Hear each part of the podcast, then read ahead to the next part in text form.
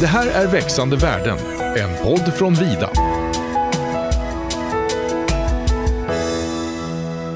Hej och välkomna till höstens första avsnitt av Vidas podd Växande världen. Jag hoppas att du har hunnit lyssna på vårens avsnitt och nu är sugen på lite nya spännande ämnen. Jag heter Joanna och jag jobbar på Vida och jag är med i varje avsnitt. Men i varje avsnitt så har jag också sällskap av en kollega. Och idag så är det ju ingen mindre än Måns Johansson som är vår koncernchef. Hej och välkommen till podden! Hej Johanna! Stort tack för att det eh, kommit till min tur idag. Ja, exakt. Jag har väntat länge, har du inte det? Jag har väntat. Ja, det är bra. Du, idag så ska vi ju prata om Vida och om dig. Hur känns det? Eh, ja, för mig är det ju premiär i den här så kallade poddvärlden, så mm. det är ju mm. väldigt spännande mm. att få testa det. Och sedan så kanske lyssnarna är mer intresserade av att lyssna till vad som händer på Vida än just eh, mig. Men det samtalet får ju du styra. Ja, men det är bara vad du tror. Vi är supernyfikna på dig. Så nu får du bara börja och berätta lite kortfattat om dig själv. Okidoki. Eh, jag är faktiskt född i Malmö Eh, men uppväxt i Växjö, eh, brukar jag säga. Och eh, efter skolor och så vidare så eh, bodde jag eh, ett par år utomlands, i bland annat Tyskland, Frankrike och Kanada. Och sedan kom hem igen och är Växjöbo sedan ungefär 11 år. Så där bor jag med min fru och tre barn.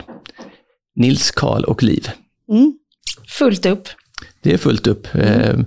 Eh, väldigt många aktiviteter. Det har varit hockey, tennis, fotboll, golf och någonting mer som jag har glömt. Ja. Men du, du har ju varit koncernchef nu i två och ett halvt år. Hur har den tiden varit? Det har varit eh, jättespännande. Eh, framförallt så var det väl en utmaning i början, eh, kan jag säga, att eh, ta över efter Santedal som har varit eh, koncernchef och ledare här i, i ungefär 20 år. Eh, han är en fantastisk affärsman och ledare. Så det, att eh, vi skulle hitta våra roller där direkt, det var inte helt självklart. Sant gick från koncernchef till att bli arbetande styrelseordförande och jag gick från att ha hand om vår försäljning till koncernchef. att det var en period, tror jag, som både jag och Santi tyckte inte var helt självklar. Men efter ett par månader så, så sa vi ändå att nej, nu har vi hittat våra roller så, och det, det känns väldigt bra. Så det var en, eh, en utmaning definitivt. Och sedan att komma från den eh, väldigt operativa rollen som man har när man ska liksom vara med i affärer. Eh, affärerna görs ju varje timme, varje minut. Priser går upp och ner och marknader. Och att i den rollen till en mer övergripande, det har liksom varit det var inte helt lätt i början att eh, släppa eh, de små detaljerna kanske. Men det känner du nu? Nu har du fullt förtroende för Karl-Johan som är vår försäljningschef. Det har jag definitivt. Det hade jag redan innan dess. Nej, men, och sen lär man sig att det finns eh, så oerhört många som duktiga, kompetenta medarbetare som har sina uppgifter, som man behöver liksom inte vara i de detaljerna som jag kanske trodde från början. Mm. Så ja, men de, att gå från operativt detalj till lite övergripande och sen ö, övergången från Sante till ja, det, mm. var, det var de stora bitarna. Ja, det tycker jag nog mm. faktiskt. Men du, du sa ju att du hade varit eh, försäljningschef tidigare, men Vida ju, har ju varit med dig mycket, mycket längre än så. Du får gärna berätta lite hur det hänger ihop. Absolut, så är det definitivt. Och mm, man kan ju gå backa bak eh, väldigt långt i tiden. Liksom det tycker jag vi gör. Ja, nu gör vi det. Vi har lite tid här. Ja. Eh, man går tillbaka till början på 50-talet eh, ska man faktiskt säga att min farfar, eh, som då var anställd på sågen i Visslanda, fick förmånen eller chansen att eh, ta över sågen där och göra egentligen en, en omstart eller nystart. Så det, för mig är det egentligen där Vida startade en gång, även om det vi alla vet att det har funnits en såg där kanske 150 år och så vidare, så som där var någon gång i början på 50-talet, så min farfar Göte eh, drev det och eh, efter det eh, kom min farbror Christer in i, bilden.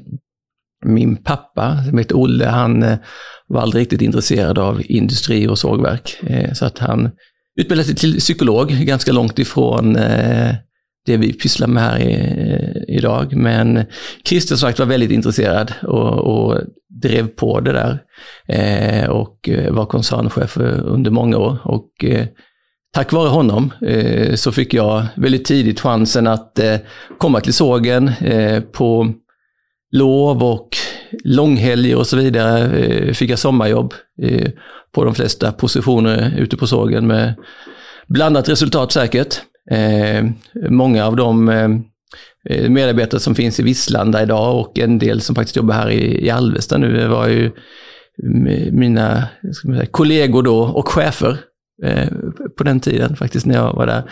Så att eh, det var ju som en ingång och jag tror inte man behövde vara exakt lika gammal för att jobba på sågen som man behöver vara nu. Så att jag hade möjlighet att eh, ja, mm, få en start där. Mm. Eh, och eh, efter det, när, eh, när skolor och sådär, liksom gymnasiet var slut, så hade jag en, en dröm och vision om att åka mycket skidor. Och det gjorde jag. Kanske då till min eh, farbror, så kan man, han jublade nog inte när jag sa att jag skulle dra till Frankrike och åka skidor i sex månader. Men, men det gjorde jag i alla fall. Mm. Eh, och eh, vi höll kontakten hela tiden. Och sen, sen hörde han av sig vid något tillfälle och sa, Måns ska du inte komma hem till sågen igen nu? Och, eh, ja, jag vet inte. Jo, men jag har, ett, eh, jag har ett jobb som du skulle kunna lära dig mycket på uppe i Dalsland. Eh, på den tiden hade vid ett sågverk som heter Tom Helin som låg ligger i Ånimskog eh, söder om Åmål. Så att eh, vi, har, vi behöver en tidsstudieman dit.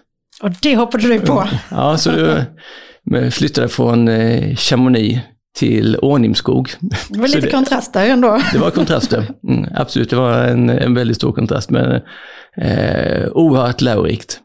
Eh, och eh, Ja, det gick ju igen. De tyckte att effektiviteten var lite dålig i såg och hyvleri. Och hur jag skulle kunna påverka det som 20-åring och inte kunde någonting, det, det var ju ganska naivt. Men det var eh, framförallt en väldigt eh, en bra läroperiod för mig att förstå liksom hur, hur lång tid det, tar att hyvla ett paket virke och hur, lång tid, liksom hur många stockar man sågar på en timme. Och det var, eh, även om jag säkert inte bidrog med så mycket just i, för, för bolaget då så var det spännande. Måste jag säga. Och eh, efter en, en, period där så eh, kom jag tillbaka ner till Småland och eh, min eh, farbror Christer hade, när han hade sin utbildning, varit i Kanada och han, han pratar jämt om Kanada och han pratar fortfarande jämt om Kanada, han är riktigt härlig.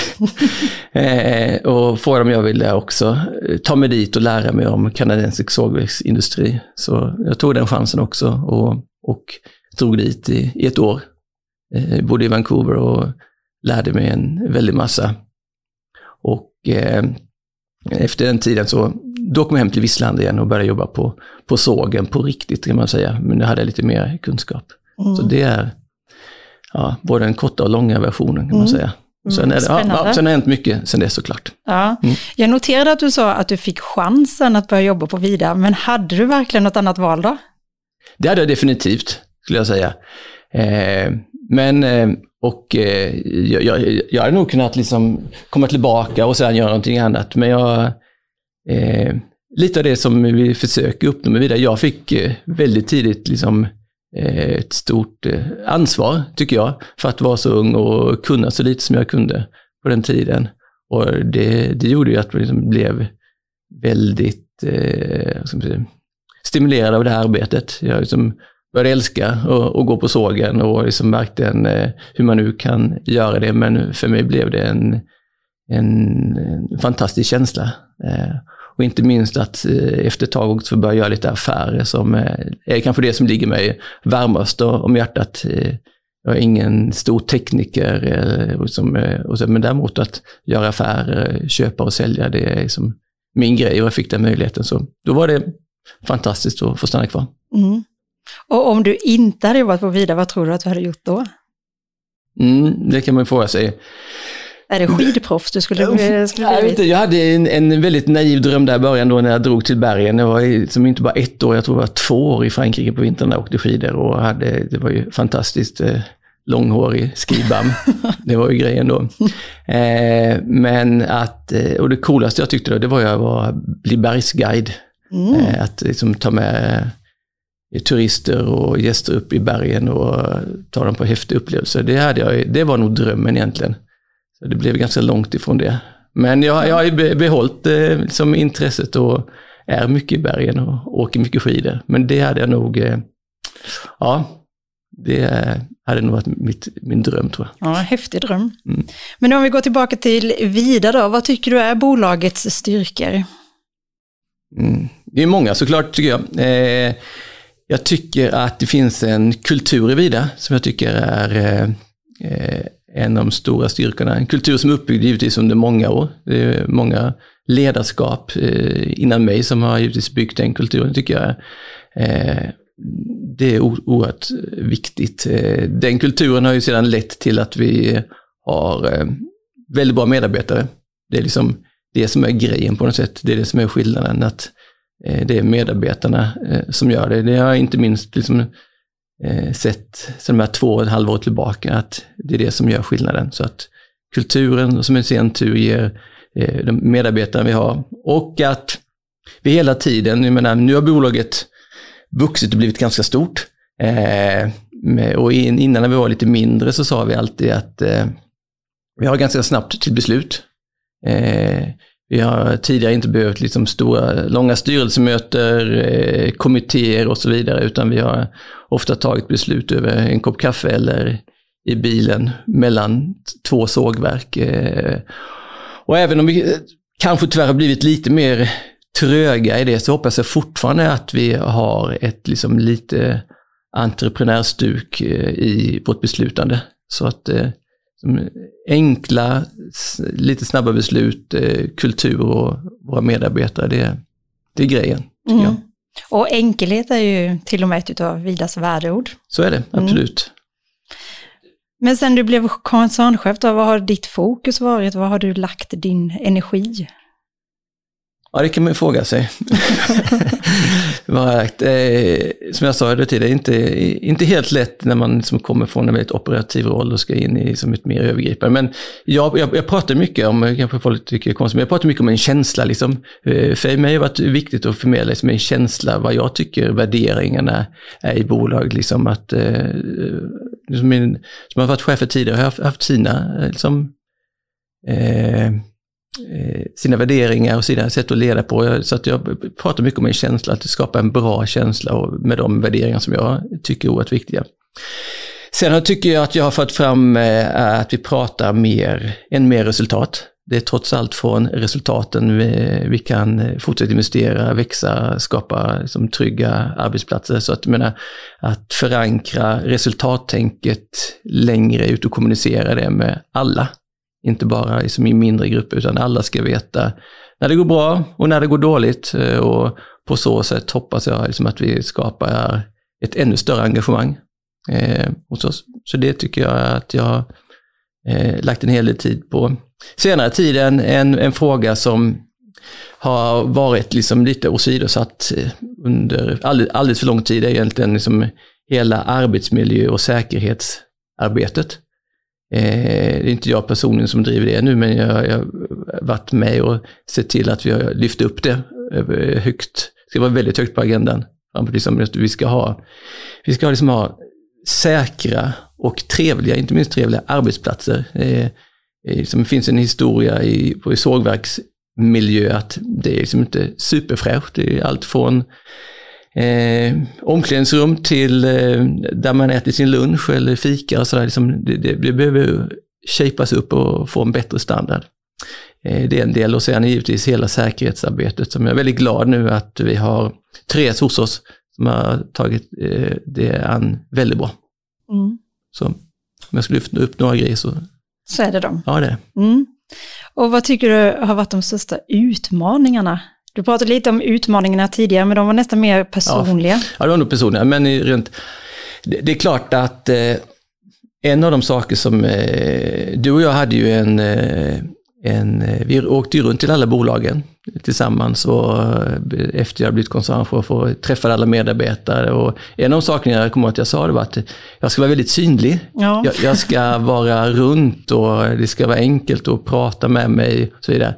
Och där har jag ju totalt misslyckats. Eh, inte med, med stor, det finns en anledning till ja, också. Jag tänker också det, att du får inte ta för stor skuld där. Eh, men det, det är tråkigt att det har inte kunnat vara ute så mycket. Nej, corona satte lite stopp. Corona satte stopp, mm. eh, givetvis. Och hela det, som coronaproblematiken har ju varit inte helt lätt. Hur ska man, eh, vad ska vi sätta för policies? Eh, det går, lärde mig sig rätt snabbt att det går liksom inte att ha en policy som gäller för samma för 1300 medarbetare eh, när vi har så olika eh, roller och så olika arbetsuppgifter.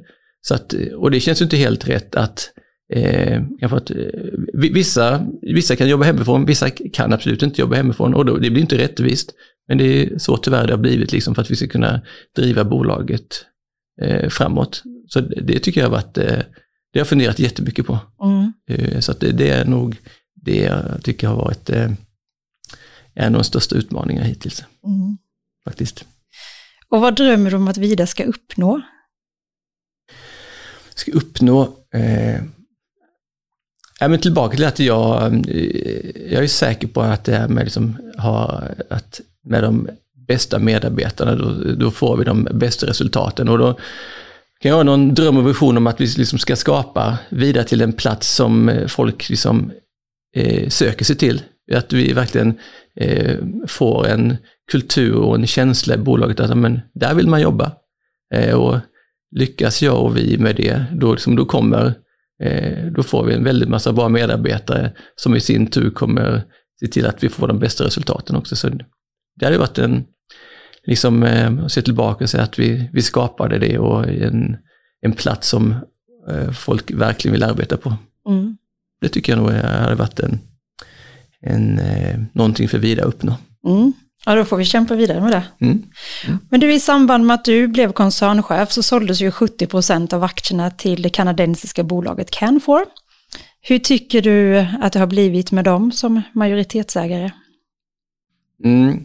Först ska man säga att eh, jag var en av delägarna som, sålde aktier till Canfor. Det var absolut inget lätt beslut. Eh, mycket ångest mm. eh, bakom det beslutet, så, såklart. Eh, när det väl var genomfört så, så tycker jag att eh, Canfor är en väldigt bra ägare. Eh, framförallt eh, för att de har, liksom vi, sitt stora fokus på sågverk. Eh, menar, många andra stora koncerner, som jag sagt flera gånger tidigare, har ofta sitt fokus på massa, massa bruk och papper och så vidare. En, och, och sågverksdelen är ofta en, en, ska man säga, en, ett litet bihang nästan. Eh, men i, i Cannes det tvärtom, sågverk kom, kommer först. Och det var en av de sakerna vi gillade och varför vi valde att sälja till just eh, eh Canfor. Så det, det har varit bra. Eh, ett av de målen, det glömde jag säga tidigare, som, som, eller som jag satt upp för mig själv, det var ju att eh, fortsätta arbeta så att är man medarbetare på Vida ska man faktiskt inte märka att Canfor är jag kallar dem för delägare, inte huvudägare, men eh, att de är delägare. Eh, och det tror jag, eh, så länge man inte arbetar på vår ekonomiavdelning som har fått betydligt tuffare krav när det gäller rapportering och, och rapporter, så, så tror jag inte att man liksom märker så stor skillnad då. Jag hoppas att det är så, för då tycker jag att vi, vi har lyckats. Eh, och det var väldigt tydligt, men även från huvudägarna i Canfor, att eh, vi skulle driva vidare, vidare, vidare, vidare eh, som tidigare. Och det är lätt att säga. Det är ju många som har sagt och sedan har man kommit in och detaljstyrt och eh, lagt sig i liksom den dagliga eh, driften. Men eh, det är ingen som lägger sig i den dagliga driften, den styrs Eh, från ledningen är vidare. Vi tar våra investeringsbeslut, vi, eh, vi bestämmer som strategisk eh, inriktning framåt och så vidare. Och so far so good. Så, mm. eh, sen är det klart, det är ett, det är ett stort bolag. Det har ju varit något nytt för mig att komma in i med en, en helt annat tänk. inte minst under den här coronaperioden så från mars till augusti förra året så hade jag eh, covid-möte måndag till fredag eh, varje kväll. Eh, mm.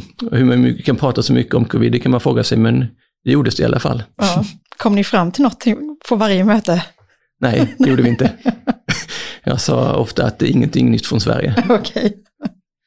Ja, men du, jag tänker lite på det här. Vad hoppades ni att Canfor skulle bidra med till Vida? Mm. Ja, vad Canfor, jag, jag tycker nog att det är Vida som har bidragit till Canfor, men eh, vi tänkte väl att eh, Canfor kom in med en, liksom en, givetvis en finansiell styrka eh, som har gjort och gör att vi har liksom, eh, bra muskler att kunna ta liksom, vida vidare. Mm. Eh, som, eh, eh, det är ju lite, eller lite det är vår vision att växa vidare. Och eh, med Canfor i ryggen så har vi en, en helt annan möjlighet att spinna vidare på det. Vi gjorde redan liksom ganska snabbt under, eh, mitt i corona förra året, eh, förvärvade vi Bergs svenska sågverk. Jag är inte säker på att vi hade kunnat göra det förvärvet om, om inte Canfor hade varit med i bilden. Mm, okay. jag, jag, tror faktiskt inte det. Mm. det hade både vi, vi som köpare känner oss eh, tryggare att mitt under en pandemi gå in och göra ett sånt stort förvärv när vi har Canfor bakom oss.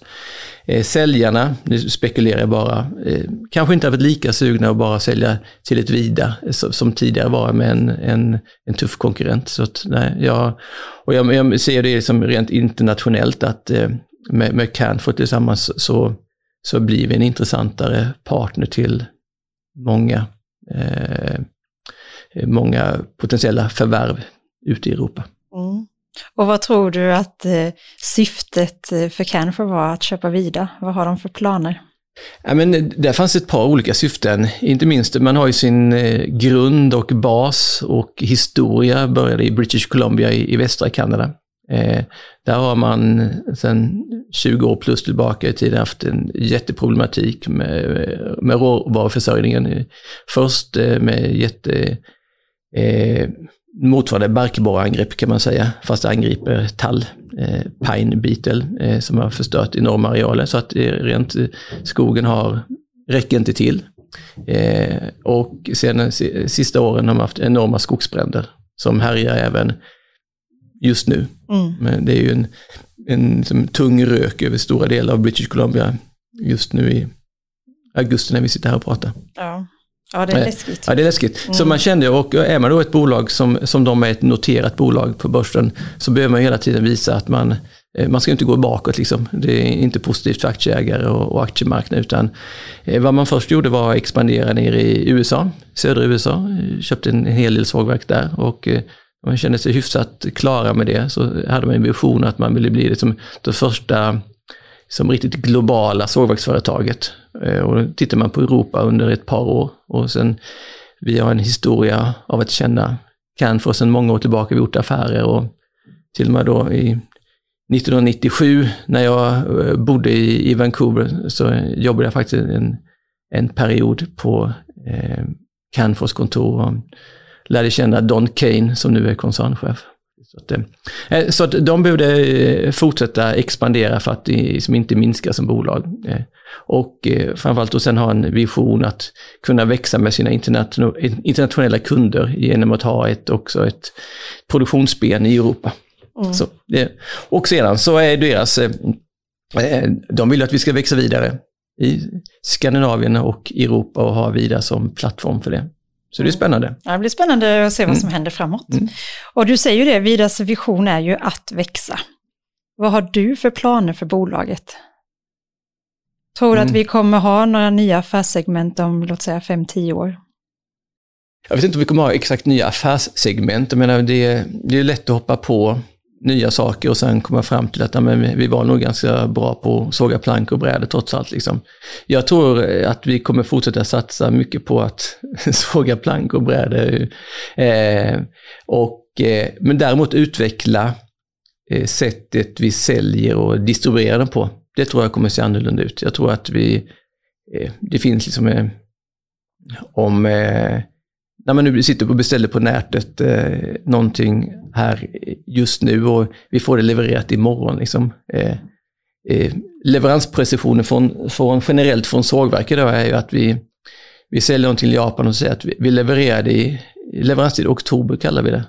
Mm. Eh, och vi kanske skickar från Sverige första veckan eller sista veckan i oktober och sen kommer det fram till Japan i december någon gång beroende på eh, olika faktorer. Att det med dagens teknik och det som kommer nu, det, det tror jag inte riktigt är framtiden. Vi, det är där som det fanns förbättringspotential. Det finns en enorm, för det, det finns en historia till varför det är så här. Va? Så att, jag, att bli, bli precisa, eh, ännu bättre kundservice, eh, ännu bättre liksom eh, ner i, ja, där tror jag vi kommer investera mycket mer som inte eh, Hittills har vi tyckt att men det kan vi inte lägga pengar på, det är onödigt. Liksom. Jag, jag tror att det kommer bli förfinar våra sätt att distribuera våra produkter mm. istället för att hitta massa nya grejer att göra. Spännande. Eh, nu byter vi ämne här. Okay. Men det pågår ju en stor debatt om brukandet av svensk skog. Den eh, tror jag inte du har undgått Måns. Hur ser du på den? Ja, men det är ju det är ingen som undgått det som, som läser en, en dagstidning eller lyssnar på radio, liksom, att skogen är så mycket i fokus nu. Och det är ju en, för det första, jag tycker en olycklig utveckling som det som har tagit, liksom, och inte då framförallt ifrån Bryssel, eh, liksom, där man på något sätt generaliserar och drar all skogsbruk nästan över en kant. Liksom, eh, när jag, och vi tycker ju att vi i Sverige har, som har, har under lång tid brukat vårt skog på ett hållbart sätt och inte minst nu brukar den på ett väldigt hållbart sätt som vi ser det.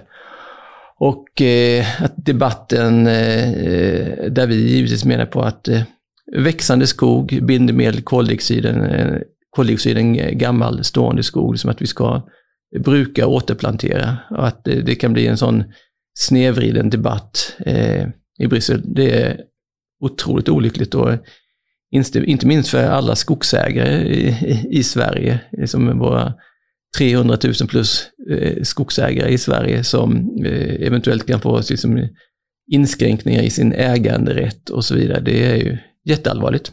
Eh, som tur är så pågår det genom skogsindustrierna liksom ett febrilt arbete. Det är ju som högst på alla agendor nu att försöka vara med och påverka och så vidare. Men det, det gäller att vi kommer igenom. Sen, sen får inte vi vara naiva och dumma heller och säga att allt vi tror är rätt, utan det är att det är faktabaserat och att vi eh, använder oss av den liksom, vetenskapen som finns och eh, verkligen försöker förmedla det till de beslutsfattarna i Bryssel som eh, i många fall, jag vet inte om, om de har varit i en skog. Liksom.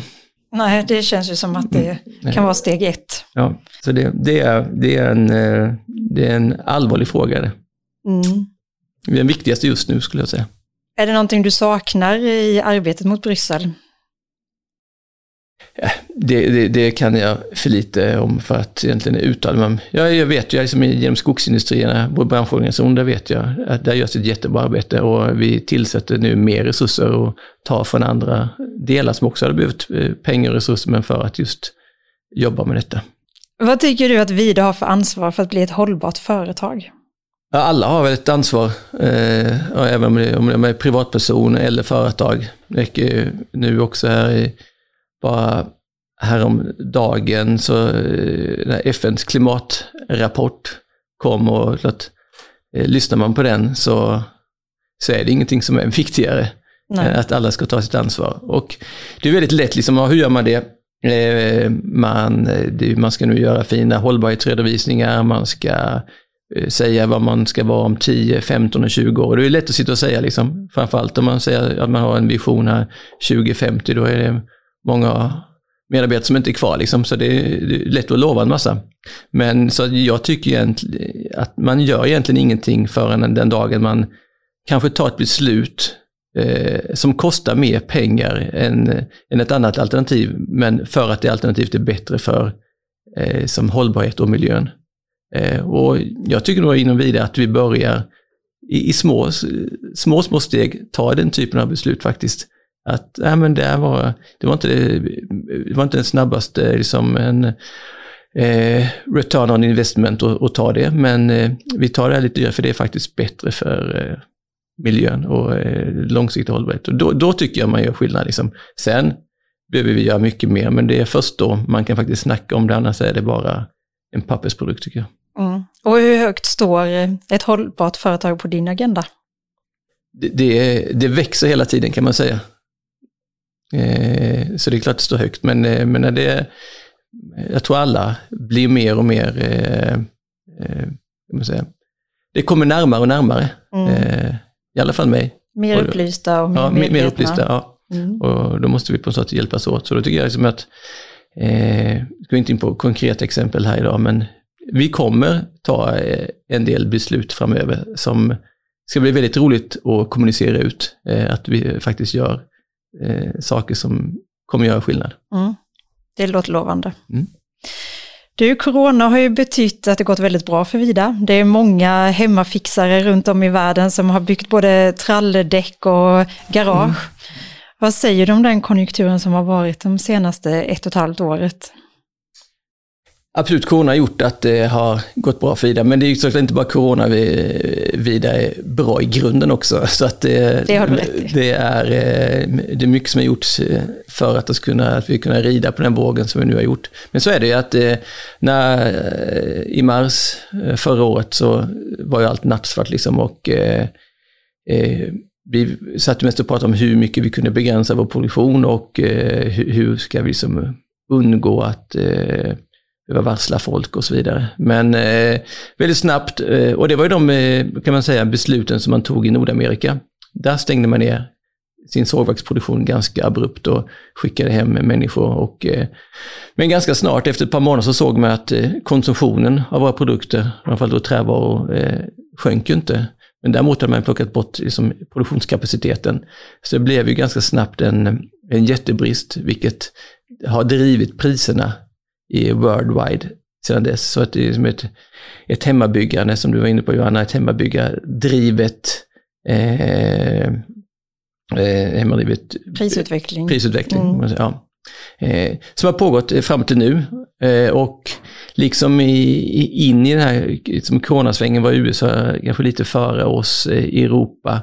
Och eh, ur den också nu, så tittar vi nu på vad som händer sen i den, ungefär i i maj så ser man i USA har man eh, återgått, eh, börjat arbeta mer normalt och så vidare. Och där ser man liksom en, en kraftig nedgång på den så kallade gör det själv, do it yourself-sektorn. Att eh, man bygger mindre, eh, träkonsumtionen har faktiskt börjat gå ner. Eh, man ser det, folk börjar röra sig lite, ungefär det som sägs på nyheterna, det stämmer. Och, och eh, ser vi nu liksom första tendenserna i, i Storbritannien, som är Vidas största marknad, så är det precis det som händer. I, bara i början på juli, när vi pratar med alla våra största kunder, som nej, konsumtionen kommer inte gå ner, folk har hittat ett annat mönster, folk kommer fortsätta eh, konsumera så här mycket eh, och bygga hemma, men nu i augusti ser vi att det går neråt även där. Så att eh, hemmabyggnadstrenden kommer finnas, men den, den kommer eh, gå ner rejält. Eh, vilket gör att liksom hela marknaden eh, är redan på väg att stabiliseras. Vi, de här, den här våldsamma bristen och stora prisuppgångarna som vi har sett, eh, det vi, har, vi har varit uppe på toppen kan man säga. Nu är vi uppe på, på platån lite ett tag till och sedan är det, eh, kommer det liksom bli mer tillgång på, eh, på våra produkter och, och därefter sker alltid som priskorrektioner. Mm. Så att eh, eh, man kan säga att för den här gången har piken varit. Mm. Så att eh, hösten och vintern eh, blir spännande att följa. Mm. Och längre än så är det svårt att säga? Ja, det är svårt att säga. Det är mm. så många yttre faktorer hela tiden som styr detta. Vad som skulle kunna hålla uppe liksom, eh, eh, den goda marknaden är att, eh, som jag var inne på tidigare, att det, i, USA är det stora, stora bränder. Eh, mycket bränder både i, nere i Kalifornien, Oregon och så vidare, där det finns stor sågverkskapacitet. Den får ju begränsas nu, nu eh, på grund av de här förfärliga bränderna. Så det, det skulle kunna göra att det balanseras lite. Men jag tror liksom att vi kommer gå in i en, in mer, jag menar vi kommer fortfarande, kommer fortfarande vara, en bra marknad, men inte så hysterisk som den har varit.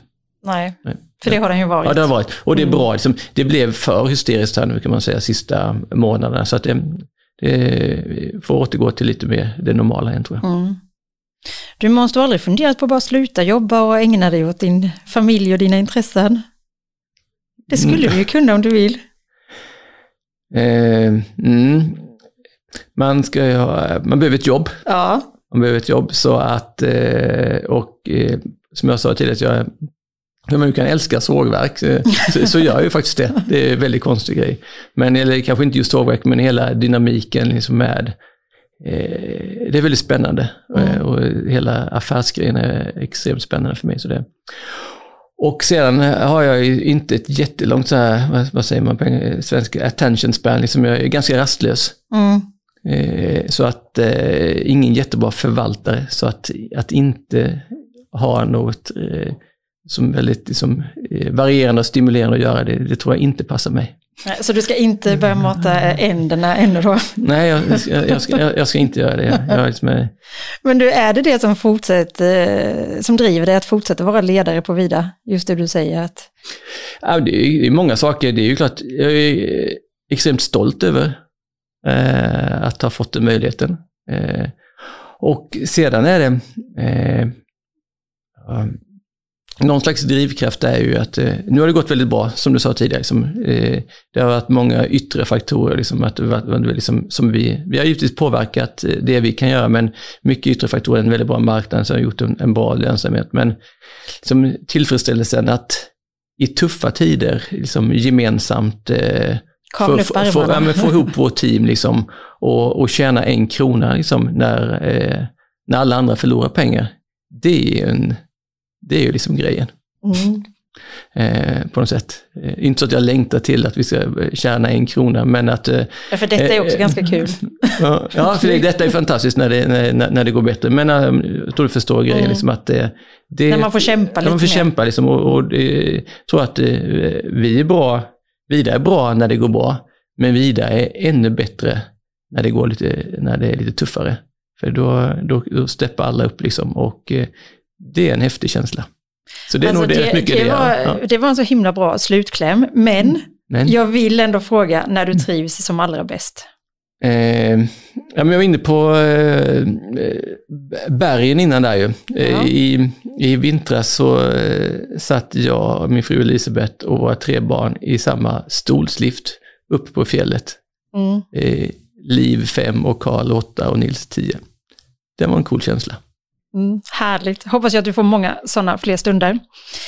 Jättekul att få möjlighet att sitta ner med dig imorgon, så jag tror att det är många som är intresserade både av dig men också av Vidas framtid. Så tack för att du kom. Och nu är ju podden igång igen för hösten och nästa avsnitt eh, släpps den 17 september. Lyssna gärna då. Och har du feedback, frågor, synpunkter eller bara vill komma i kontakt med podden så gör du det via poddatvida.se. Tack för idag Måns. Tack så mycket. Ha en bra dag. Hej då! Det här är Växande värden, en podd från Vida.